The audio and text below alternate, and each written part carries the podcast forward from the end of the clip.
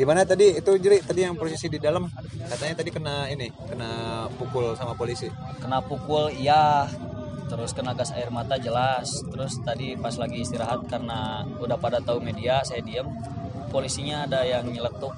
Ah katanya nggak katanya nggak rame. Eh, rusuh sekarang kurang kurang rusuh.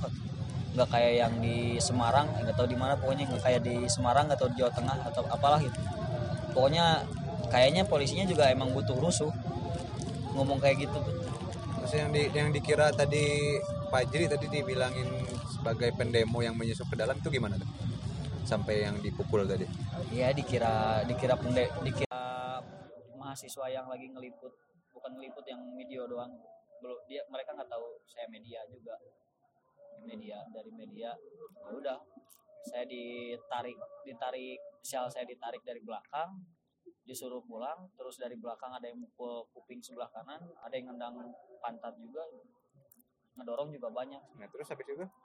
Ketemu teman ketemu teman di sana. Eh, untungnya ada teman dia bilang ya ini sama rekan-rekan media juga ya udah aman. Saya jadi masuk di dalam juga dan ngelihat ngelihat satpam satpam yang mukulin juga pada nggak pada nggak ngerasa bersalah gitu ngelihat saya.